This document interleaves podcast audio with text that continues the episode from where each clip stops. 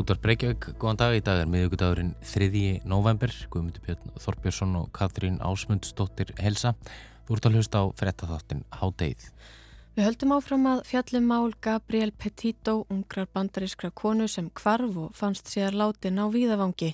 Í ljós kom að hún hafi verið myrt og unnusti hennar er grunaður um verknæðin.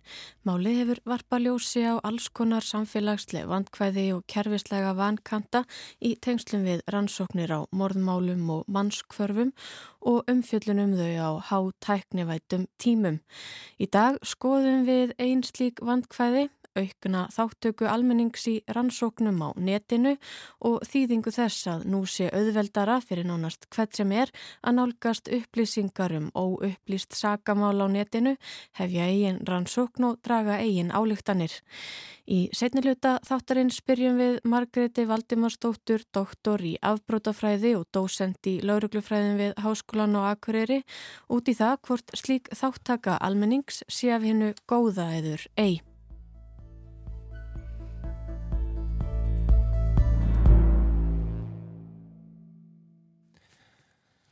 Þriði dagur loftslags rástefnu saminuð þjóðana COP26 í Glasgow er gengin í hönd þar sem yfir 120 þjóðar, leðtóðar og önnur mektarmenni, umhverfisaktivistar, vísindamenn og ja, allir sem vellingi virðist, virðast geta valdið eru samankomin til þess að leitað úr lausnum um hvað ríki heims þurfa að gera til að halda hlínun í arðarinnan við eina hálfa gráðu frá upphafi innbyltingar.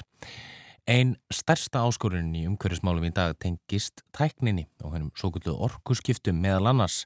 Hvað getur við með raunhafum hætti mingað og endingu hætta, hvenar getur við með raunhafum hætti ásakið, mingað og endingu jafnvel hætt að nota jarðefna eldsneiti og hvernig getur við nýtt tæknina til að verða umhverfisvætni og hvað er verið að gera til þess að bæði fyrirtæki og einstaklingar geti lifað umhverfisvætna lífi. Til þess að svara því er hinga komin Kristjana Björg Bardal, tækni sérfræðingur háttegisins. Velkomin Kristjana. Takk fyrir það. Ef við tölum með þessum tæknin á umhverfismálinn, hvað er það svona sem að, já, er kannski mest ábyrjandi í tækni heiminum dag þegar það kemur að svona umhverfisvænum lífstíl? Ég myndi náttúrulega að segja all, allir þessi tæki sem eru rafmagsdrifin eins og hlaupahjólinn og bílarnir og svo er fólk líka bara virkilega meðvitað um kólöfnisfótspöru sitt og við farið að mæla það á miklu starri gráðu. Eins og til dæmis að þú ferð hérna með rafmaks hlaupahjóli, einhver ákveðna velind að þá serðu í lókin hversu lengi þú varst, hversu mikið það kostiði og hversu mikið um, koldjóksið þú sparaðir. Emitt, emitt og við erum alltaf að sjá þetta gerast meira og meira, fólk er að fá fólk er að köpa sér ramaspíla og það er að e, það er verið að fjölga rafleðslu stöðum og, og þess áttar e, ferðamannaðinarinn, er hann farin eitthvað að svona uh, skoða þetta?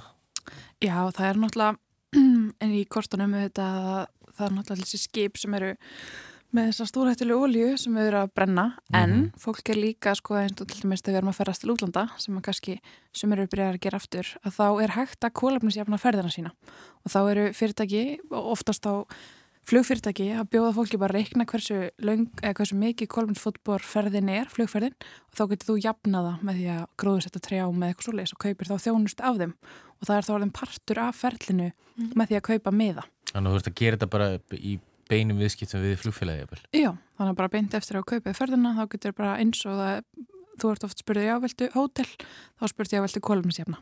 Mm -hmm. Og er þetta kannski, og maður getur gert það sama ef maður er að kaupa sér bensín?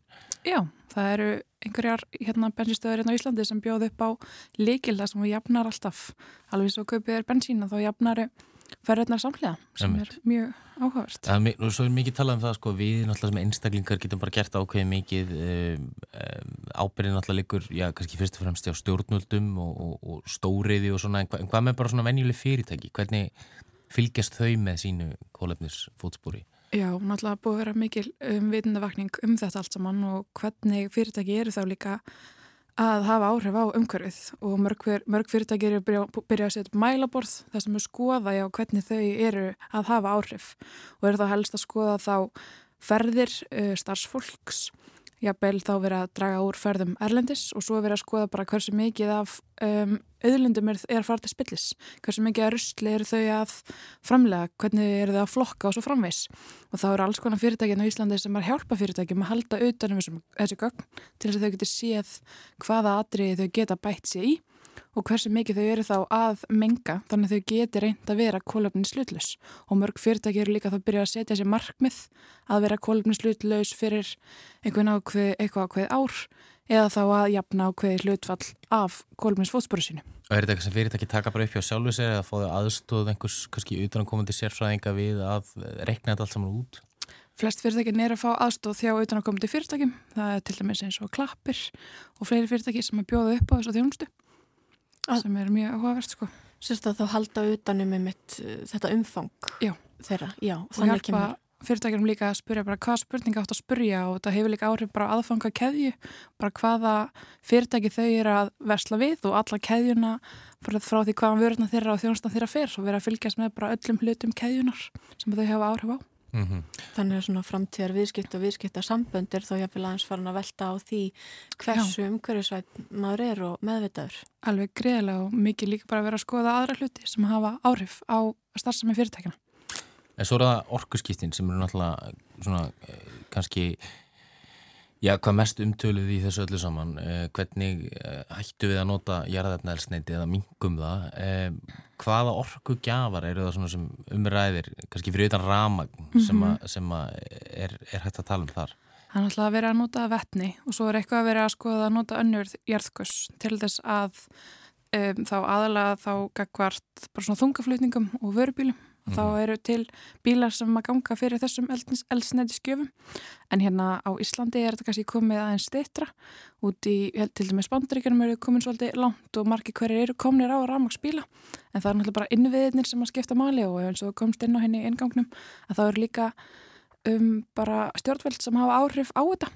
En það er margt í bíkjar hérna heima og það verið að reyna hérna brúa bylið þannig að komist ringin og fólk er náttúrulega svo hrætt um að drægi ekki, að komist ekki alla leið og rafmagninu sem það er með þá á bílum, þannig að það er verið að bæta úr því þannig að fólk geti verið að nota þetta og þá sérstaklega líka fyrirtæki sem þurfa þá starri hlæslu stöðvar og hraðri stöðvar fyrir náttúrulega miklu starri bíla. Mm -hmm, Einmitt. Um, Eitt af því sem að svona Já, einn ein yðnaðurinn sem er ofta talað um í, í dænslu og orkurskiptin er, er, er landbúnaður mm -hmm. uh, vertical farming eða loðuréttur búskapur það mm -hmm. er mhm. eitthvað svona hugtak sem, sem að maður hefur heyrt, Hva, hvað er það? Það er þegar að vera rækta upp það er ekki vera að tekja minna landsvæði, þannig að þú ert að rækta plöntutnæginar upp og ert með bara það er eiginlega bara ofan á hver annari þannig að það er bara svona hérna, svona hæðir af matjórstagörðum og þetta tekur þá minna landplás sem er náttúrulega bara partur af útreikningi í kólmyndsfósbori, hversu mikið land er þetta að taka undir og það er líka verið að nota alls konar bara svona ferðlaðar sem að mörg fyrirtæki eru að framlega mismöndi hluti og eru þá að nota úrgangin frá hvort öðru sem auðlind. Þannig að þau mynda einhvers konar ringur og hagkerfi og eru þá að nýta allt að því við viljum náttúrulega ekki að sé neinn úrgangur úr framleyslu Þannig að þetta er vantalega framtíðin en hvað, hvað vitum við að, að svona er framöndan, hvað, mun, hvað koma skal í þessum öfnum? Náttúrulega í, eins og bara í gæri var skrifað undir samninga sem voru líferissjóðir og ætla þess að setja alveg greiðlan peningi grænar fjórfestingar. Þannig að við erum bara að býða spennt og sjá hvað sprota og frungulegar eru að brasa og vona bara að þau fái fjármagn til þess að halda áfram að finna frábæra lausnir. Þannig er sem sagt e, já, e, 13 íslenski lífisöður er alltaf að setja 503, nei, 580 miljardar í greinar fjárhastingar á næstu í nýja árum. Það er jákvæmt en gera það ekki fyrir komin í háttegið, Kristjana. Háttegið snýr aftur strax að loknum háttegiðsveitum.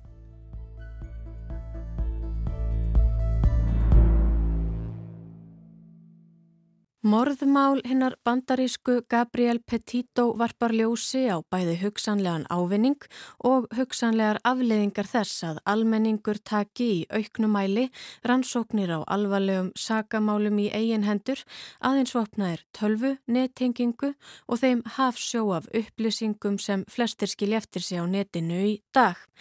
Slík þáttaka almennings hefur færst í aukanað undanförnu eftir því sem aðgengi að upplýsingum eikst á netinu netinu. En er þessi þróun góð eða slæm? Hefur þetta kosti eða galla í för með sér? Við fengum til okkar Margreti Valdimarsdóttur, doktor í afbrótafræði og dósend í lauruglufræðin við Háskólan á Akureyri til að svara því.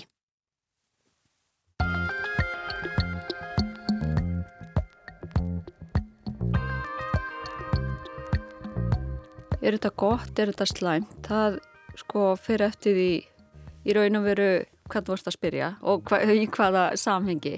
En sko ef við erum bara til dæmis að tala um rannsókn sakamála og þá eins og þetta mál sem þú tekur sérstaklega fyrir og ávið í, í hérna almennt í rannsókn sakamála að þegar það verður svona svakaleg internetsprengja og fjölmjöla umfjöllun og allir vita af þessu máli, það er fullt af fólki eins og þú segir að fylgjast með og taka þátt, að þá fær lauruglan vittnesku um upplýsingar sem hún myndi annars ekki gera. Og bara eins og í þessu einstaka máli að þá var það þannig að fólk fyrir að skoða símana sína, það fyrir að leita, skoða myndir á símanum sínum og upptökum. Og þarna í þessu máli kom bara í ljósa kona var með myndbandsupptöku af bílnum þannig að hérna sem var til þess að þessi unga kona fannst og í öðrum málum hefur það líka verið þannig að fólk fær e, lauruglan fær vitneski um mögulega vitni sem hún myndi annars ekki gera. Fólk kemur, býður sér fram til og e, kemur fram til lauruglu og hérna og er þá tilbúið að gefa upplýsingar sem geta hjálpað. Þannig að það er alveg kostur í sjálfu sér aðstofa við að leysa málið. En þetta getur líka auðvitað orðið til þess að við tölum bara um hvort þetta sé slæmþróun eða slæmþróun, hvað, hvað sé mögulega neikvægt við þetta, þá er þetta þannig að það verður svo mikið flóð af upplýsingu sem lauruglan fær sem að meiri hlutin, mestur hlutin, eiginlega allt er ekki gaglegt og það tekur auðvitað óra tíma að ráða fram úr öllum þessum upplýsingum að fara í gegnum það og á þessum fyrstu dögum í rannsók sagamála að þá skipti tíminn svo rosalega miklu máli þar að segja hvernig lauruglan verð tíma sínum. E, já, þetta er mikið upplýsingaflóð sem mest er ekki gaglegt en auðvitað skiptir þetta máli vegna þess að í þessu máli eins og í mörgum öðrum málum að þá bara leysist mál með þess að vegna þess að bara almenni borgarar voru meðvitaður um það að það væri þetta sakamáli gangi og fundu upplýsingar hjá sér á síma. We both got goosebumps all over our body. We knew it was her van as soon as the footage passed by it. It was an insane feeling. Við höfum dæmi um þetta bara á Íslandi. Ég er auðvitað að tala um byrnumáli þegar hún fannst ekki að, að þá var það sagt, hérna, fólk fórnir á höfn og það var almennu borgari sem fann skonnænar sem leiti síðan til þess að hún fannst eða, eða lík hennar. Þannig að þetta getur skipt miklu máli en á móti kemur eins og ég sagði á þann að þá er það þetta flóð af upplýsingum sem er erfitt að vinna úr. En hver er kvatin? Hvers vegna finnur fólk sig knúi til að taka þátt, hefja jafnvel eigin rannsókn á sagamáli eða ganga til liðs við hóp fólks í sömu hugleðingum á netinu. Að kveikja tölvunni eftir 8 tíma vinnudag og setja svo kannski límt við skjáin langt fram á nótt að elda mögulegar vísbendingar eða kafa í kenningar. Sko einmitt þetta, hver er kvatin? Sko það eru hérna, fræðimennar einn að svara þessari spurningu að því að hún er í hérna, sjálfu sér mjög áhugaverð og svona það sem að afbrótafræðingar og, og sálfræðingar eru að tala um er að þetta er marskonar eða allavega ekki endilega á einhvern eitt veg en ég held þetta sé fyrst og fremst afþreng. En sko sumir hafa bent á að einmitt þessi, þessi þörf fyrir okkur sem bara manneskjur að gera okkur hluti af samfélaginu þegar við erum saman að fordæma eitthvað voðaverk og við erum að saman líka að finna til með einhverjum þólendum og það er allar þessar tilfinningar sem við erum ekki með í einrúmi heldur erum við hluti af samfélagi og, og svona styrkjumst sem hluti af samfélaginu þegar við gerum það. Það sé eitt þáttur og, og það sé bara mikilvægt fyrir okkur vegna þess að við séum félagsverður og svo er þetta líka, er ég mitt viðtal við eh, hérna, sálfræðingu daginn sem var að tala um það að okkur er það bara hérna, lífræðilega eðlislegt að í raun og veru að fókusera á mögulegar hættur vegna þess að þannig sé heilin okkar einfallega gerður og þetta sé hérna ákveðin svona sjálfsbergarvilleitni eða þá einhvers konar upplýsingar sem gæti mögulega bjargað okkur ef við lendum í hættu ástandi að það sé eitt getur verið en svo held ég þetta sé bara líka hluti af þessu, ég meina fólk hefur verið að koma heim til sín og, og opna glæpasögur og lesa og tala um sögurnar bækurnar sem það er að lesa við vini sína og samstarfsfélag. Þetta er líka bara samskonar, held ég. En hvað er svona áhugavert við glæpi? Af hverju hafa þeir oft og tíðum eitthvert afþreyingagildi? E, sko, hvað er áhugavert við glæpi? Við erum hérna einhverju þegnar í samfélagi og það eru bæði óskrifaðar og skrifaðar reglur sem við eigum öll að fylgja og við gerum það flest. Flesta daga gerum við það bara. Við förum eftir lögum, en svo förum við ekki bara eftir lögum, heldur förum við líka eftir þessum óskrifuðu reglum um það hvernig við eigum að hafa okkur. Við höfum verið félagsmótu til að gera það. Og þráttur að við setjum þetta ekki svona í orði eins og ég er að gera, þá erum við öll meðvitið um þetta. En svo er bara eitthvað fólk sem gerir þetta ekki. Og hérna haga sér á eitthvað hátt sem okkur finnst sko, já, sko, okkur finnst það svo undarlegt að það gerur okkur reið og, og, hérna, og við viljum vita meira, bara hvað likur hann að baki, hvernig getur einhver manneskja og, og svo kemur náttúrulega óttinn þarna líka vegna þess að ef við erum að tala um einhvers konar voðaverk eins og morð eða naugun, ofbeldisbrot, að þá viljum við auðvitað vita bara hvað fær manneski til að gera svona, er þetta eitthvað mögulega sem ég get orðið fyrir? Og hvernig get ég þekkt einkennin, á ég í samskiptu við fólk sem getur brotið svona af sér? Er makin minn þessi manneskja sem getur mögulega brotið svona af sér. Bæði eins og hvað þetta var þar og það sem að þú talaður um með að um, kannski séða okkur eðlislegt að leita hættunum í kringum okkur en að skilja þær en þegar við umblínum þá svona mikið á glæpi og þessi voðaverk getur það ekki lita heimsmyndina maður farið þá að sjá hættu hverju hóðni? Ég held að það sé alveg rétt hjá þér vegna þess að sko þessi afbrót, svona ofbeldisbrót sem fá rosalega aðtikli í fjölmjölum og allt fyrir að fluga á netinu, þau eru mjög óalgeng. Þetta eru algjör frávik og auðvitað fá við fréttir eins og stóru löndum í kringum okkur þar sem okkur finnst þetta vera að gerast bara hverjum degi og auðvitað þetta er að gerast á hverjum degi en þetta samt í stóra samhenginu, þá er þetta óalgengt. Líkurnar á því að við verðum myrt eru mjög litlar og það að okkar fókus sé þarna held ég að sé bara ekki endilega gaglegast fyrir okkur. En svo líka þegar ég segi þetta þá hugsa ég um sko að því að nú ef við færum okkur úr svona hérna ofbeldi að verða sko að vera myrt svona alvarlegast á ofbeldið yfir í til dæmis að verða fyrir kynferisbroti sem að, að fyrir einhverjum árum hefðu líka talað um það sem mjög óalgengt en svo eftir alla umræðina sem slíkbrót hafa fengið, þá vitum við að, að þú ert kona, að líkunar eru ekkit litlar. Við þekkjum sem konur, þekkjum við flestar konur sem hafa orðið fyrir kynfyrirsbróti. Þannig að þá held ég að geti jáfnvel verið gaglegt fyrir okkur að vita það að, að ef við erum þólendur og þá eru við ekki einar að þetta er algengt og svona hvernig svona brot koma til. En eitt í þessu samhengi reyndar er að þau ofbeldisbrot sem fá mesta umfjöldun að þau eru alls ekki dæmigerð fyrir algengustu tegund af ofbeldisbrotum og fyrir einhverjum 20 árum síðan að þegar til dæmis var verið að tala um kemfyrsbrot að þá er yfirleitt verið að tala um nauganir þar sem að gerandi var einhver algjörlega ókunnugur uh, þólandanum og það var einhver sem hérna beitti líkamlegu valdi, ofbeldi og þetta eru þetta bara hérna líti líti brot af naukunum sem gerast með þessum hætti en svo hefur orðið umfjöllun þar sem að komið upp á yfirborðið að flesta naukanir eru bara þannig að það er einhver sem að, að þólandi þekkir, kunningi, vinur, maki og, og það er, er ekki endilega líkamlegt áfbeldi.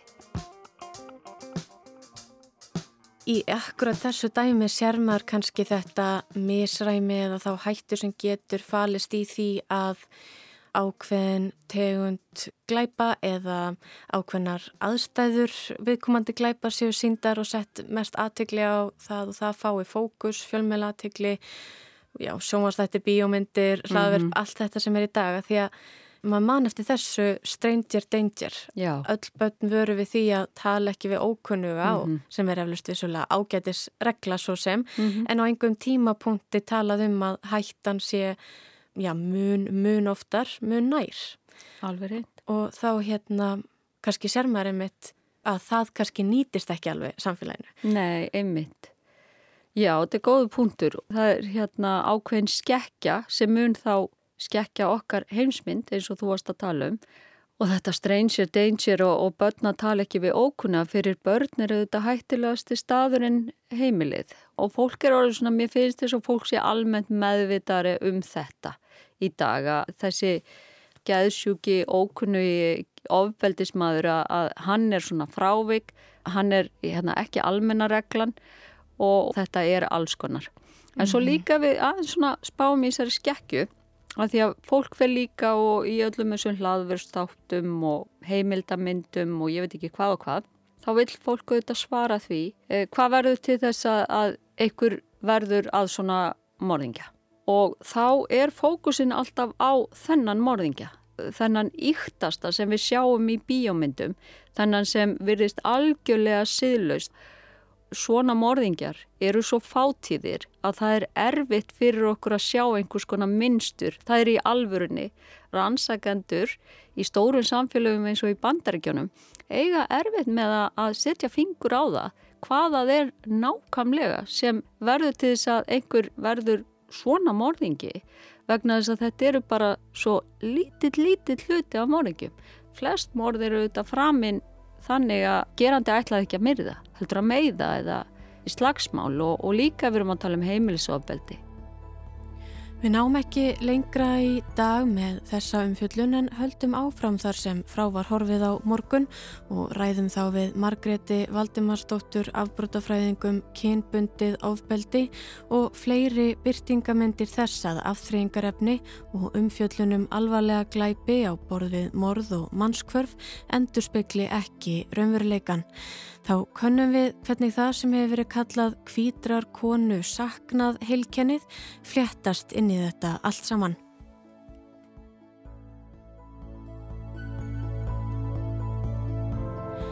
Háttegið er á enda í dag og við verðum hér aftur á sama tíma á morgun.